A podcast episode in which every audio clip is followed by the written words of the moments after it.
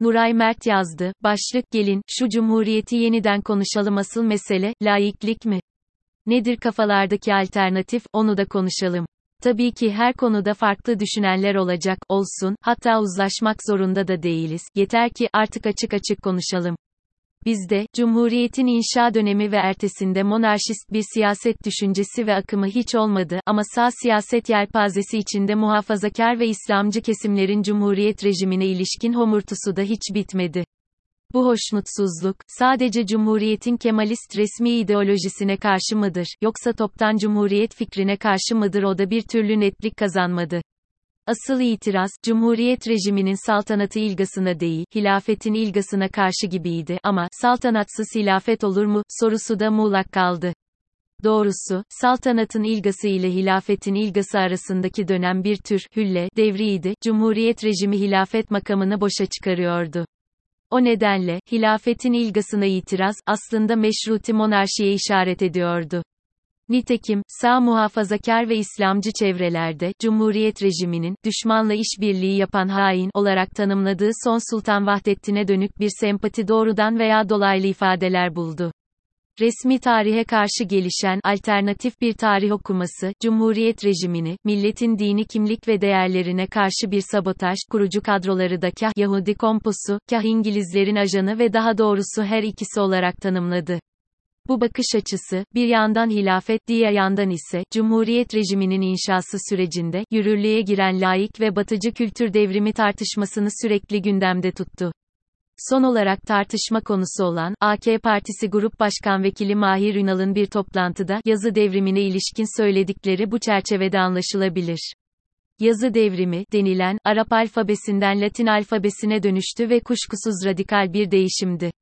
Diğer taraftan, Latin alfabesine geçiş ile hedeflenen, kuşkusuz sadece okuma yazmanın kolaylaşması değil, İslami, doğulu kültürel kimlikten kurtulma çabasıydı. Dolayısıyla, bu konuda diğer cumhuriyet devrimleri de zamanında olduğu gibi sonrasında da tartışma konusu edilebilir.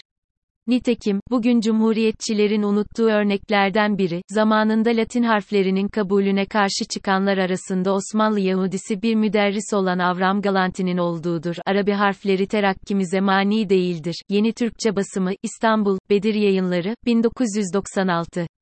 Ancak, halen devam eden tartışmanın çerçevesi dil bilim değil, Cumhuriyet rejimine karşı genel bir itirazın ifadesinden başka bir şey değil. Ben ne Mahir Ünal'ın ne AK Partililerin ne de genel olarak muhafazakar ve İslamcıların hali hazırda saltanat yanlısı, dahası Arap alfabesi veya fes takmaya dönüş yanlısı olduğunu sanmıyorum. Tam da bu nedenle, bu konuların yeri geldiğinde serin kanlı bir tartışmanın konusu olmaktan ziyade, halen bir homurdanma konusu olmaktan çıkması gerektiğini düşünüyorum. Bu konular geride kaldı. Asıl sorun Cumhuriyet'in resmi ideolojisinin, Kemalizmin tartışılması desek, zaten tartışılmadık yanı kalmadı.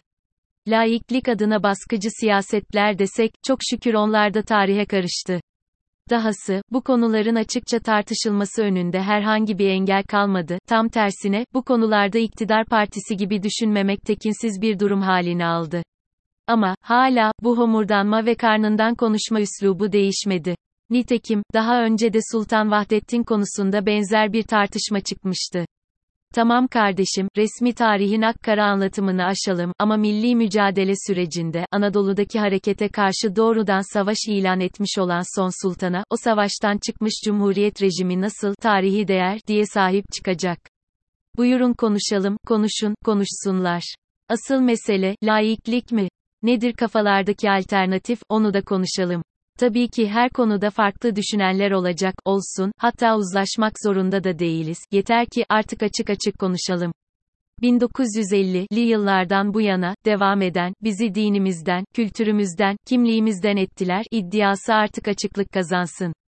Kim neden niye şikayet ediyor, neyin yerine neyi koymak istiyor, bilelim, önümüzü görelim. Hali hazırda, İslamcıların Cumhuriyet rejiminin icadı diye karşı çıktığı Diyanet İşleri Başkanlığı, İslamcıların iktidarında, Şeyhülislamlık görüntüsü kazandı. Bu kadarı yeter mi, daha ötesi var mı? AK Parti iktidarının üzerinden 20 yıldan çok zaman geçti, şimdiye kadar kimse Arap harflerine dönmeyi önermedi. Nokta. Bırakın önermeyi, bu konuyu diline dolayan pek çokları, meraklısı dışında, zahmet edip, eski metinleri okumak için Osmanlı Türkçesi öğrenmiyor. Sonuçta, kültür hazinelerimizi kaybettik de, bu metinler bize Çince kadar uzak değil, her öğrenci bir yaz boyu çalışsa hiç olmazsa matbu metinleri okur. Dedelerimizin mezar taşını okuyamayacak hale geldik diyenlerin sanırsınız ki, dedeleri sadrazam, kazasker, hiç değilse müderris, kadı, vesaire, sade vatandaşın mezarında kitabe mi olur diye düşünen yok. Dahası, paşa, ulema, vesaire soyundan gelenlerin çoğunun da, ne cumhuriyet rejimi, ne Latin alfabesi ile bir sorunu, ne de kitabe okumak gibi bir merakı yok.